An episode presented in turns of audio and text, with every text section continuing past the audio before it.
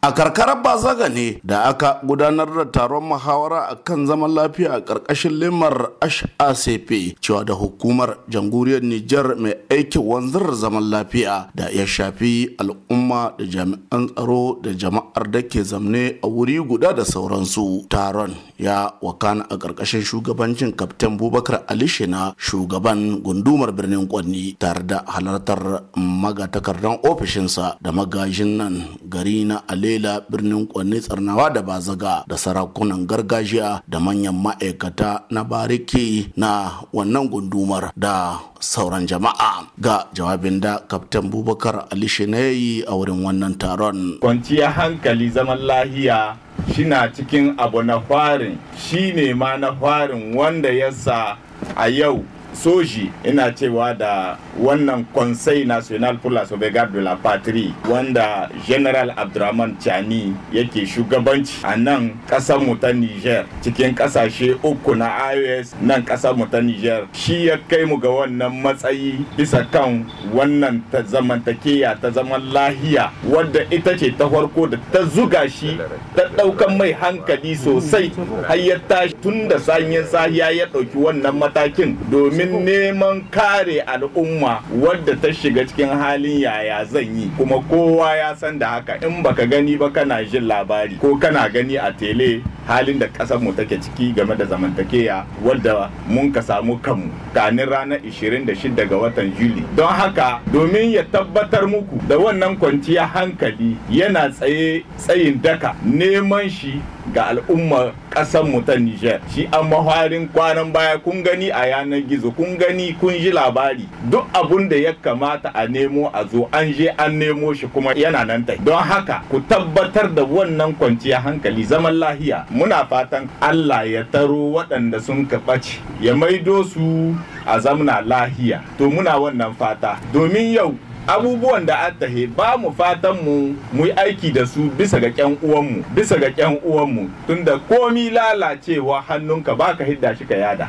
Dole ne zaka haƙuri da shi sai dai ka nemi yanda zaka gyara shi ko ka wanke in yayi datti ne amma dai kai baka hidda shi ba. Kenan dan uwanka ne komi abun da ya shiga ciki ka san da an sa shi ne. Waɗanda sun ka sa shi Allah ya ba mu inci mun kore su. Yanzu shi da adda saura mu yi addu'a ya maido hankalin shi ya komo ya zamna lahiya sai dai wannan taron ya zo ne a daidai lokacin da waɗansu 'yan bindiga da ba a gane ko su wane ne ba suka kashe wani bawan Allah a washe garin gudanar da wannan taro a ƙauyen Baudi inda suka iske shi a gidansa suka yi masa kashin gilla kamar yadda magajin garin Bazagamanu Ibrahim ya yi mini ƙarin bayani. Limu waye su cikin juyayi sanadin wani hari da 'yan ta'adda suka kai garin Bauni. Garin Bauni ce a cikin kwamin ɗin Bazaga daga parti ta yammacin komin. Wannan abin ya abu kuna daren jiya inda yan ta'adda suka zo suka iske wani bawan allah a gidan shi musamman suka same shi. Kuma ba ko wani tsakan dare na ba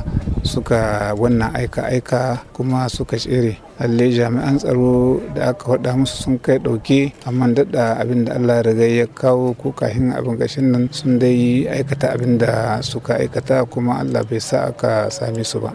Yalla wannan 'yan ta'adda ana iya cewa hakikatul amri yalla sun tsallako ne daga najeriya? To ba mu iya ganiya ba mu iya mu ganiya saboda lalle nan bakin iyaka muke. In ma an ce sun tsallako daga najeriya to ba abin mamaki ba ne saboda duk mahi yawan irin waɗannan al'amuran da ke faruwa nan cikin komin ɗin nan don abubuwa da suka zo mana daga ƙetare muna al'umman mu ba ta yi irin wannan lalacewa ba har su ɗauki abin gashin nan. Ko shi abin da zamani ya kawo ba tabbata akwai ba. Amma dai shi daidai zaman kusancin mu da iyaka shine mahi yawa ke kawo da irin wannan matsalolin. Shi wanda suka kashe yalla dan kasuwa ne ko menene matsayin shi a garin na baune inda sun kai wannan aika aika eh dan kasuwa na mai kasuwancin shanu shi kai.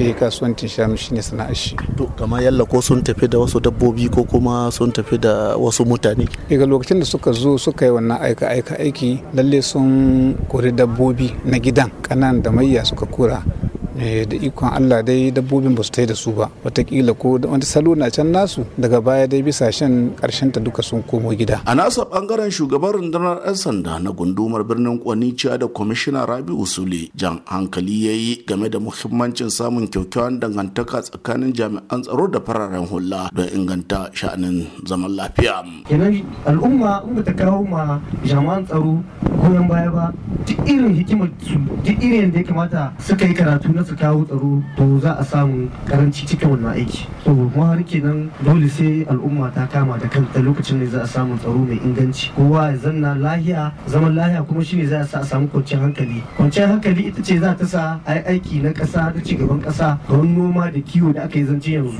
To nan ko ba su samuwa dole dole sai da goyon bayan ku. Ba ta yiwuwa sai da goyon bayan ku. To kenan yanzu goyon bayan nan ya ne kamata a kawo shi shine sai da hulɗa hulɗa ta ƙwarai ita kuma hulɗa mai ke kawo ta na farko dai ya kamata a samu cuɗanya tsakanin jami'an tsaron da ake gani da kaya wasu suna jin tsoron su da horar hula ita kuma cuɗanya ba ta samuwa sai an zo kusancin juna. Ko mu ɗauki ƙafa mu zo wajen ku ko ku ɗauki ƙafa ku je wajen mu. Ko harin kenan yau ma ku ga tsoho don mu waye mutane kai ku gane mu mu gane ku. Muna wuri guda ana tattaunawa kenan yana sa tsoro ya hita. Na ɗaya kenan. Na biyu ya yiwu ku ɗauki ƙafa ku je wajen barukoki na jami'an tsaro saboda wasu al'amura na tahiyar da rayuwa tunda kowane fanni fanni ya shahe ku. Dan ku ne aka ɗauke mu ake mun biya muna aiki don mu kawo muku tsaro. Kenan in kuka je can kuma ya kamata a ce kuma kuna samun tarbe na ƙwarai mai inganci. Kun ga kenan shi ma yana sa in ana tarbo ku da inganci za ku sake jiki za ku jin daɗi da abin da ya kai ku a muku. Kenan za a sa hulɗa ta ƙara kaishi tsakanin jami'an tsaro da ku. A nasa ɓangaren wakilin mai martaba Alhaji Muhammad Salihu Sardauna sarkin birnin Kwanni a wurin wannan taron cewa da ya hayya biya muradi ya gayawa mahalarta taron da suka hada da hakimai malamai manoma da makiyaya ƙungiyoyin mata da na matasa na wannan karkara tare da 'yan kasuwa da cewa fa neman ilimi na ɗaya daga cikin ababen da ke wanzar da zaman lafiya. Abin da muka fata ga ga mutane zaman lahiya na kamu. Yau duk abin da zaman lahiya bai kawo tashi hankali bai kawo shi. Kuma mahimmancin wani abu wanda ka iya sa zaman lahiya shi dore mutane ku kula da ilimi. Ku bar sakin yaran ku sagaga yau duk wanda ya taimaki ɗa ne kamar ya taimaki ƙasa na ga harkar ilimi. Lalle yaro bai son karatu. Karatun ga na boko da na arabiya duk wanda yi su wani bai isa hijabi shi kai shiga hanya ta lalata. To da Allah sa ana da ilimi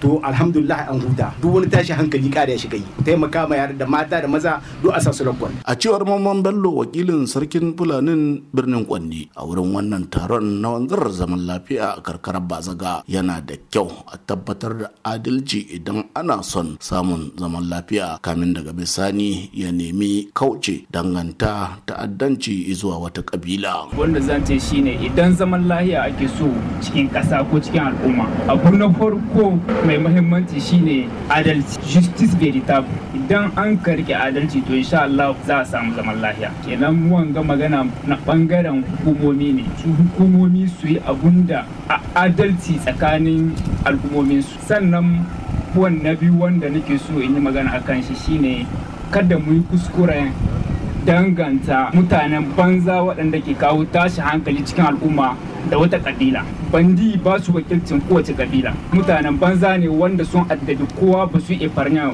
kowa ba ba su raga ma kowa ba kowa suke harma. Don haka kada al'umma mutane su su dinga danganta manga banditism kin da kabila. Wannan taron dai na samun ƙoƙarin HACP Haute Autorité pour la Consolidation de la Paix da kuma Projet Paso. Haruna Mamman Bako na birnin Kwanne sashen Hausa muryar Amurka daga birnin Kwanne a jamhuriyar Nijar.